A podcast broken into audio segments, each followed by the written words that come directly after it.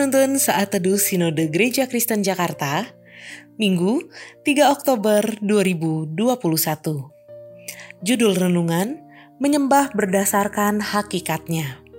Diambil dari Nats Yohanes 4 ayat 21 sampai 26. Kata Yesus kepadanya, Percayalah kepadaku, hai perempuan.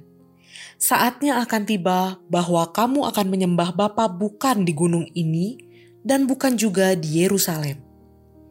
Kamu menyembah apa yang tidak kamu kenal. Kami menyembah apa yang kami kenal. Sebab keselamatan datang dari bangsa Yahudi. Tetapi saatnya akan datang dan sudah tiba sekarang bahwa penyembah-penyembah benar akan menyembah Bapa dalam roh dan kebenaran. Sebab Bapa menghendaki penyembah-penyembah demikian. Allah itu roh, dan barang siapa menyembah dia, harus menyembahnya dalam roh dan kebenaran. Jawab perempuan itu kepadanya, Aku tahu bahwa Mesias akan datang, yang disebut juga Kristus. Apabila ia datang, ia akan memberitakan segala sesuatu kepada kami. Kata Yesus kepadanya, Akulah dia yang sedang berkata-kata dengan engkau. Wah, hari ini pemimpin pujiannya mantap ya. Saya merasa roh saya dibangkitkan kembali dengan penyembahan yang dibawakan. Saya sangat menikmati ibadahnya. Demikian perkataan seseorang kepada temannya yang baru saja selesai mengikuti ibadah.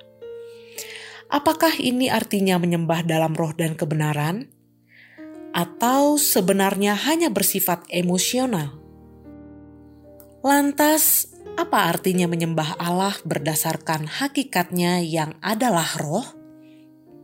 Dalam nas renungan hari ini, kita menemukan arti penyembahan yang alkitabiah, yaitu esensi penyembahan tidak lagi berpusat pada tempat atau liturgi tertentu, tetapi berpusat kepada Kristus. Menyembah Allah berdasarkan hakikatnya berarti dari dalam roh setiap penyembahnya tunduk, berserah pada rohnya, serta mendengarkan, menaati kebenarannya serupa Kristus Yesus. Menyembah Allah juga berkaitan erat dengan kepenuhan hidup di dalam Kristus. Penyembahan dilakukan bukan untuk mengesankan sesama orang percaya, tetapi untuk menyenangkan hati Tuhan saja. Penyembahan yang sejati pun muncul ketika Roh Kudus sendiri yang menggerakkan, sehingga hanya dapat dilakukan oleh orang-orang yang telah menerima Kristus sebagai Tuhan dan Juru Selamatnya. Seringkali kita terjebak dalam pemahaman yang keliru tentang penyembahan.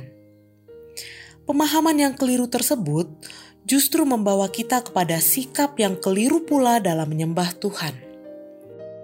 Oleh karena itu, penting bagi kita untuk terus memohon hikmat agar Tuhan menerangi kita dengan kebenarannya. Apakah penyembahan kita saat ini didasarkan pada pengertian yang benar? Sudahkah kita menjadi penyembah-penyembah yang menyembah Allah dalam roh dan kebenaran?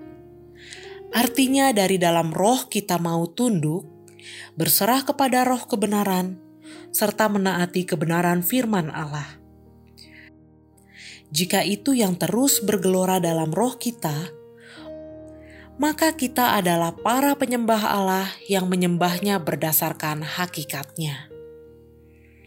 Hakikat penyembahan murid Kristus adalah tunduk, berserah pada roh kebenaran, dan bukan berdasarkan pada suasana atau fenomena tertentu.